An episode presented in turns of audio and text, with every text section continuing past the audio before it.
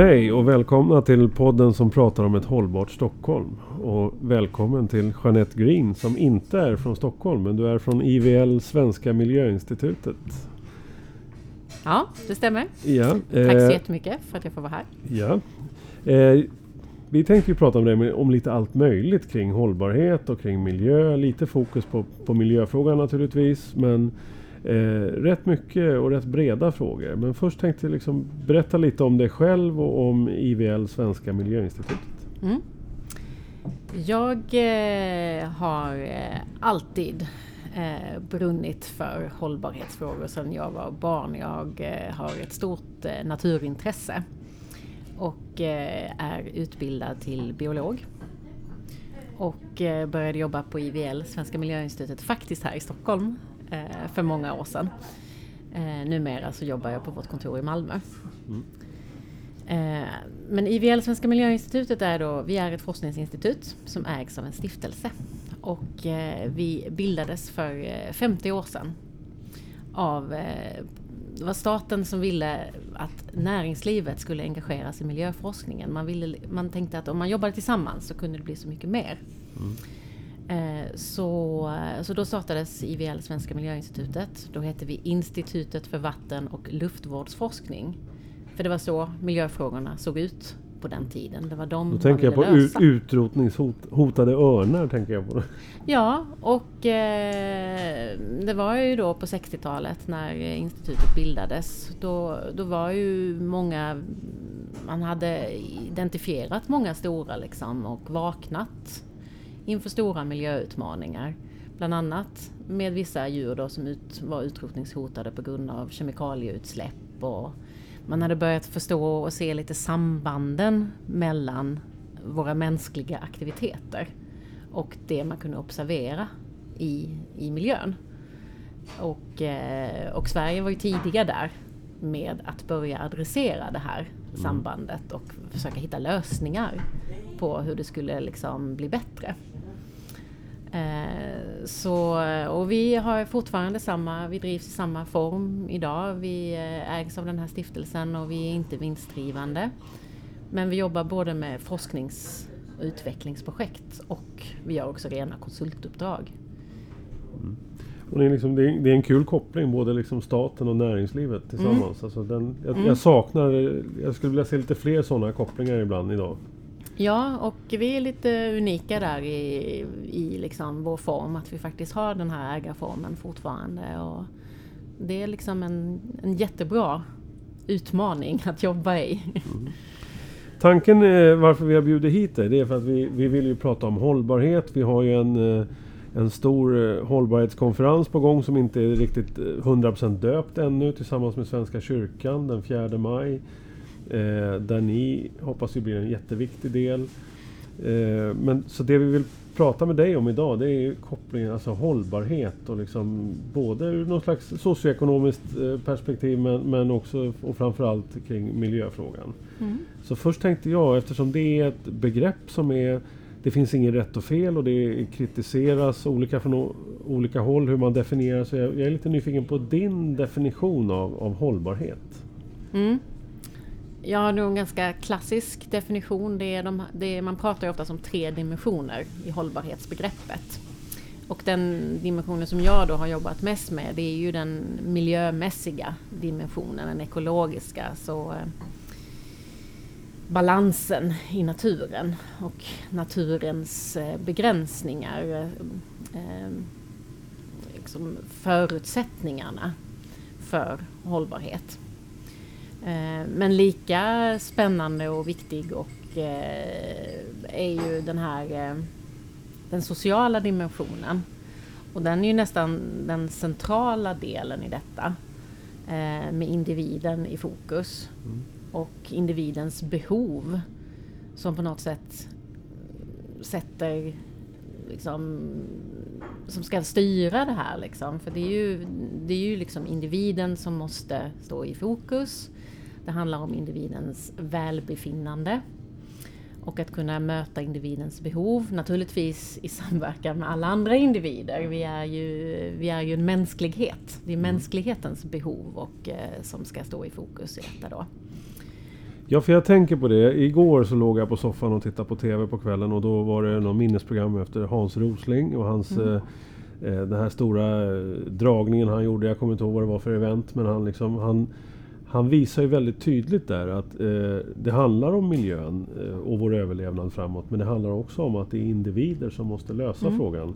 Eh, och det blir väldigt tydligt när han visar på att eh, det, det, är vi individer i den, i den rika världen som måste ta första steget. Och mm. En viktig kritik mot hållbarhetsbegreppet som jag hör eh, även från våra förorter. Det är att man, man gillar inte när man liksom separerar hållbarhetsbegreppet och pratar om de sociala och ekonomiska delarna som någonting för sig och det ekologiska för sig. Därför att det blir ofta liksom ett samtal om problemområden då och sen när vi befinner oss här på, på Södermalm som har lite bättre rykte då, då, pratar man ekologi och sen så pratar mm. man socialt och, och mm. ekonomiskt mm. ute i förorten. Mm. Och likadant blir det. Hur ser du på det? Är det något du känner igen?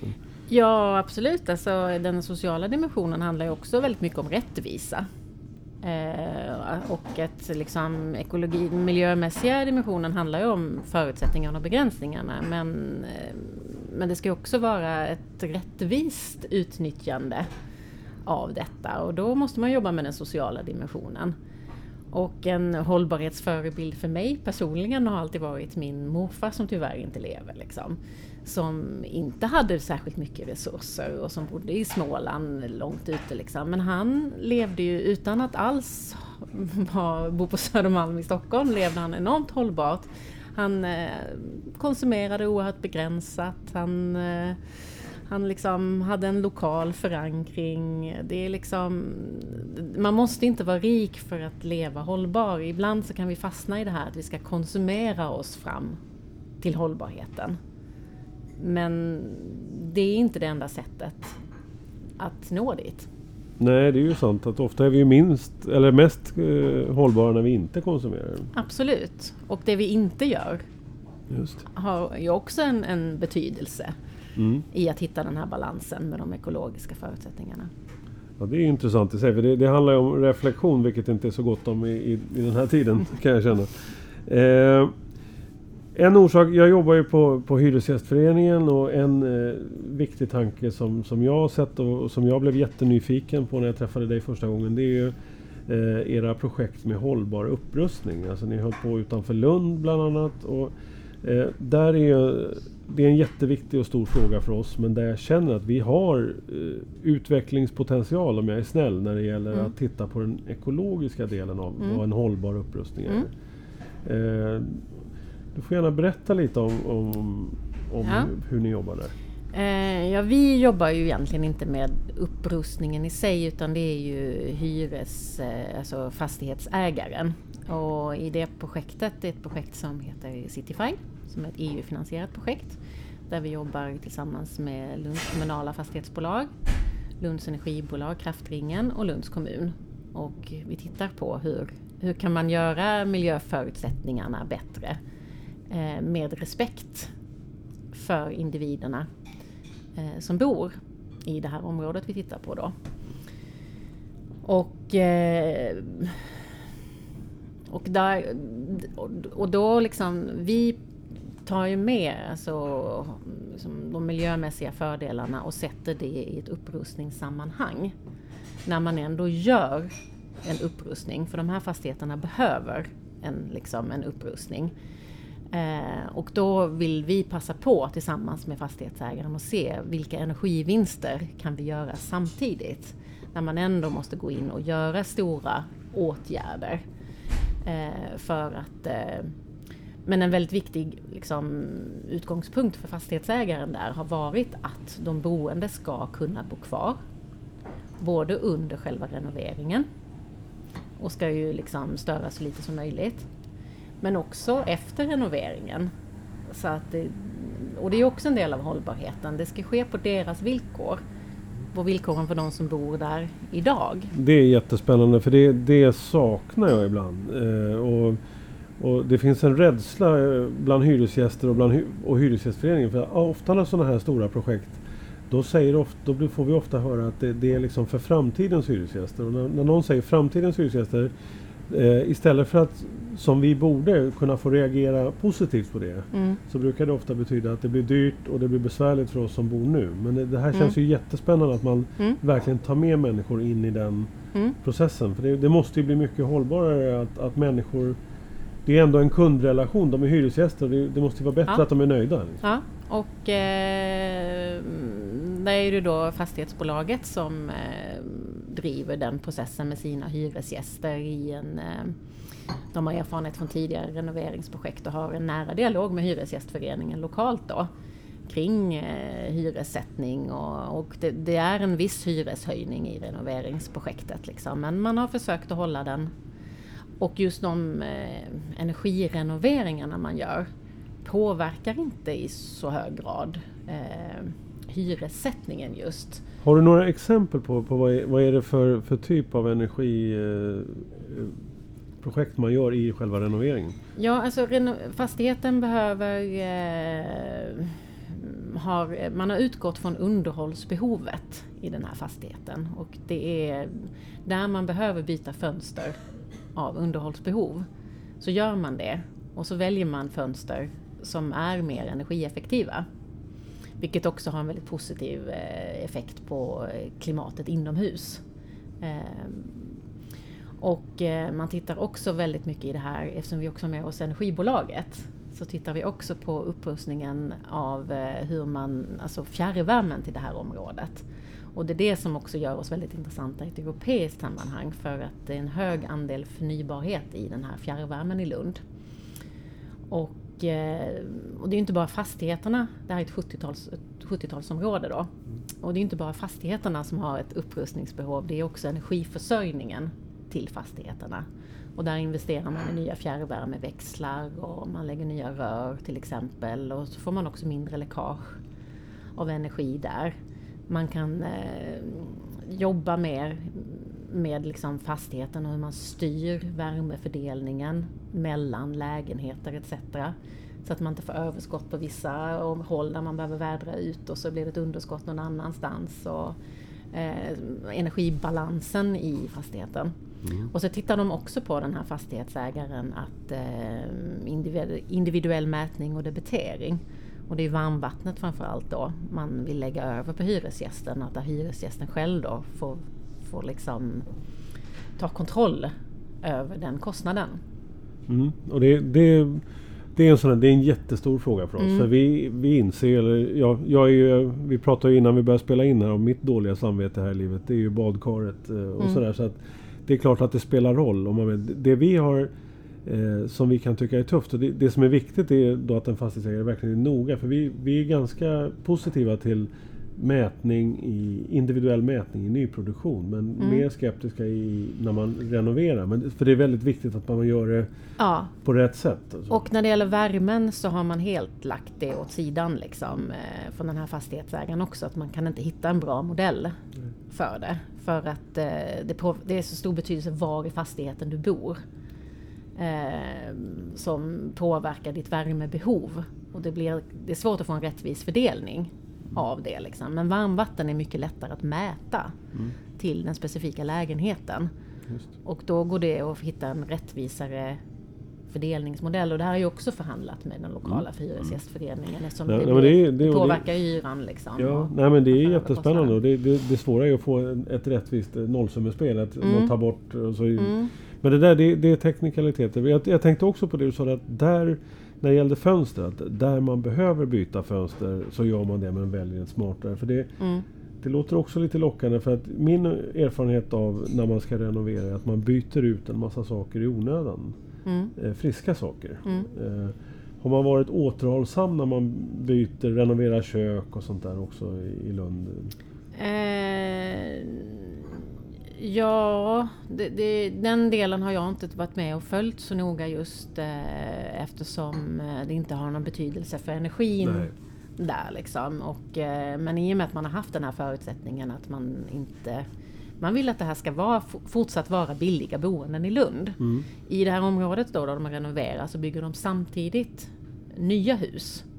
Eh, som har väldigt hög energi eh, och klimatprestanda och, eh, och, då, och då kommer de kosta helt andra summor att bo i också. För det kommer ju vara finare material kanske och liknande. Men i de befintliga mm. bostäderna så vill man att de fortfarande ska vara billiga bostäder. Ja, och då får man hitta den balansen där då tillsammans med Hyresgästföreningen. Mm. Ja, men där kanske vi har något vi, vi, skulle kunna utveckla tillsammans. Titta på klimatavtrycket på det vi river ut ur fastigheterna. Mm. Och det är någonting som vi tittar, vi tittar inte på inredningen i eh, det här men vi tittar faktiskt på, man byter en del eh, av fasaderna också som också har ett underhållsbehov. Och, eh, och vi räknar faktiskt på det i det här projektet och ser vad är klimatpåverkan? För det är inte bara numera så börjar våra byggnader bli så pass energieffektiva att det är inte bara den energin som går åt när vi använder byggnaden utan det är också den energin som går åt till våra material eh, som vi bygger byggnaden med. Den, den, det finns en, eh, liksom, en klimatpåverkan där också, inte bara i driften. Och det tittar vi på allt mer, speciellt när det gäller nyproduktion, för då är man så energieffektiv att det faktiskt är dags att börja diskutera eh, vad är klimatpåverkan från materialen. Men i det här renoveringscaset som vi eh, har i Lund då, i Cityfied, där räknar vi också på renoveringens men då tittar vi på de stora materialen, alltså fasad, eh, för att jämföra med den här energivinsten man gör då och mm. se, blir det över en livscykel bättre klimatmässigt?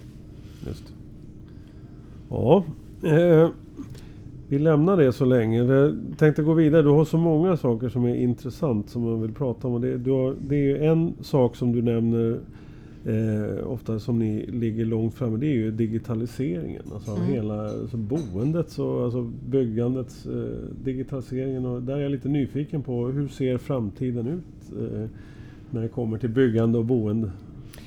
Ja, eh, hemmet kommer ju också digitaliseras ju mer och mer precis som alla andra delar av samhället och våra processer. Och, eh, och återigen då så tittar vi ju, vi avgränsar oss och tittar väldigt mycket på miljö och energidelarna i detta då liksom. Eh, men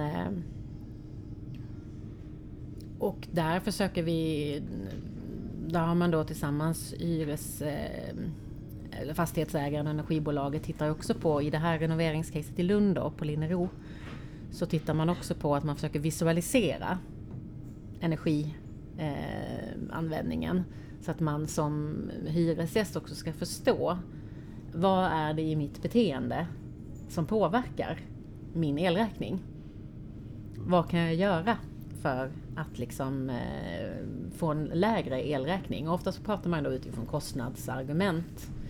Eh, och det kanske i de här områdena, där man har tittat tidigare varit mycket i nyproduktionsområden och då är kanske inte elen en väldigt stor del av ens utgift.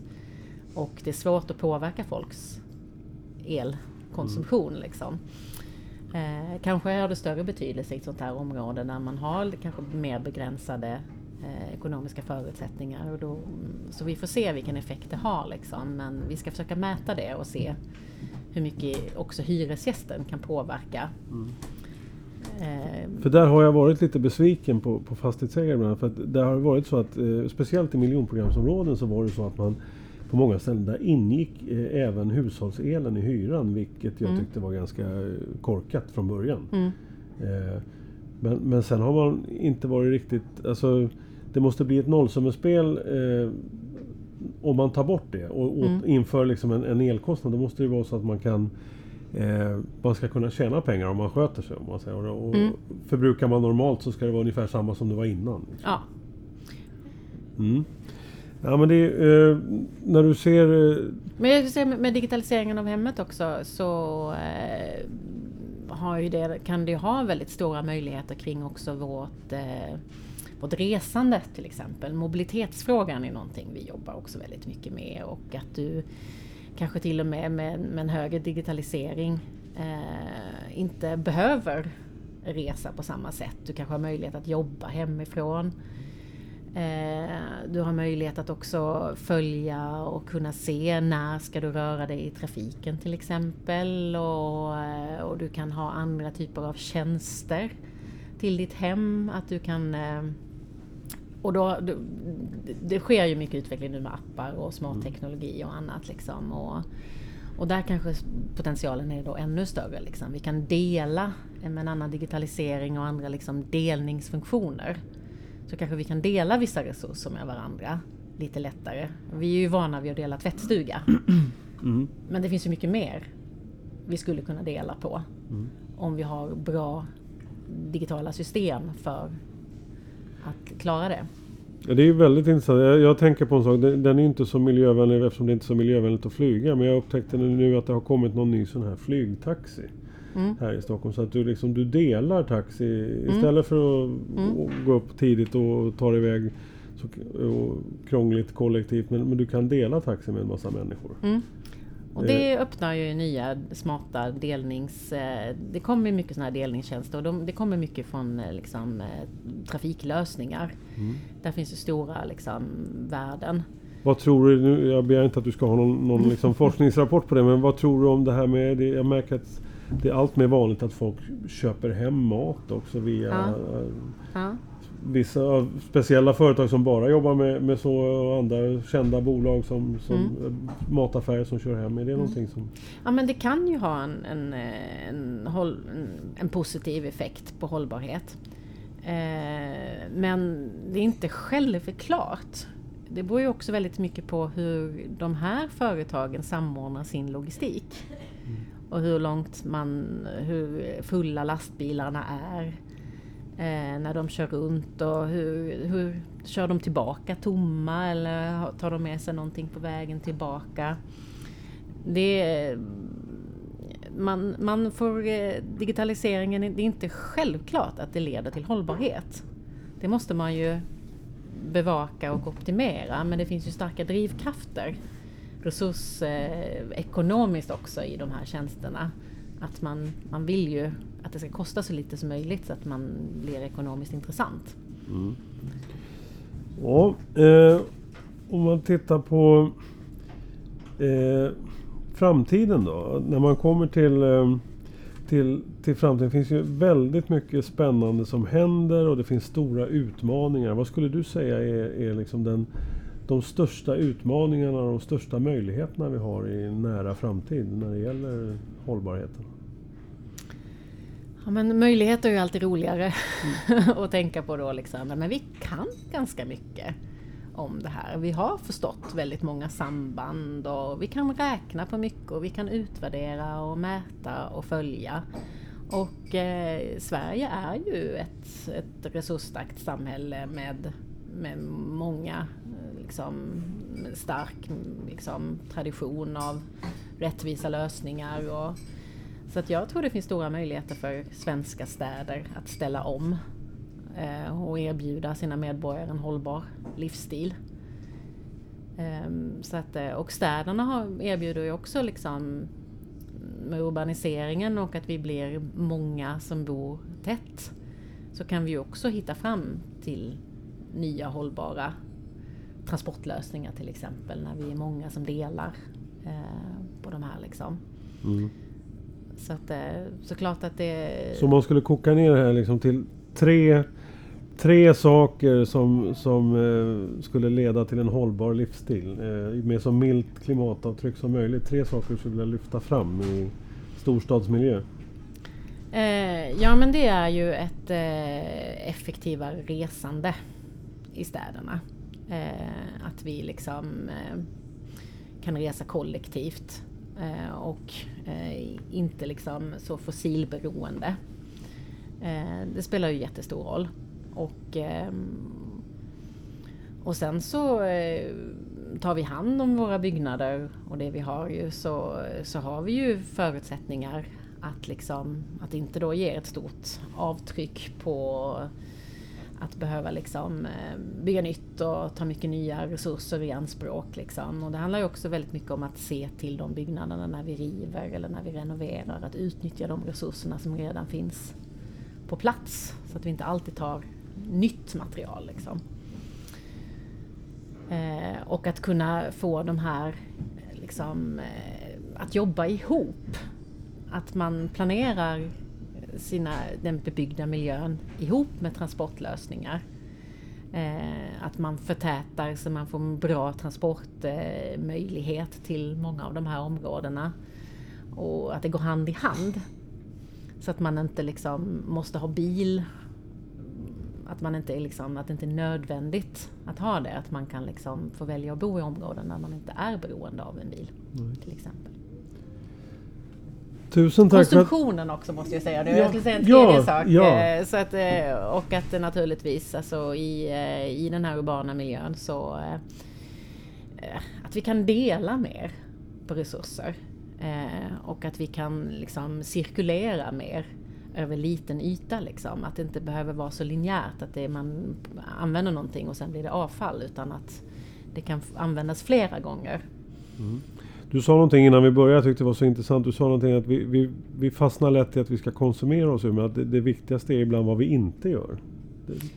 Ja, och att, eh, och att det är liksom att öka konsumtionen.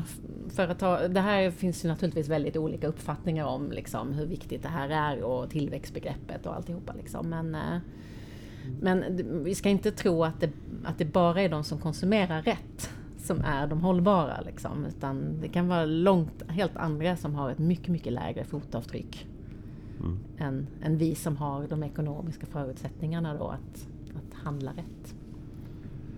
Tusen tack för att du kom och du är jättevälkommen den 4 maj när vi kör allihopa igen med vår konferens. Det blir mm. jättespännande. Tack, tack, det ser jag fram emot.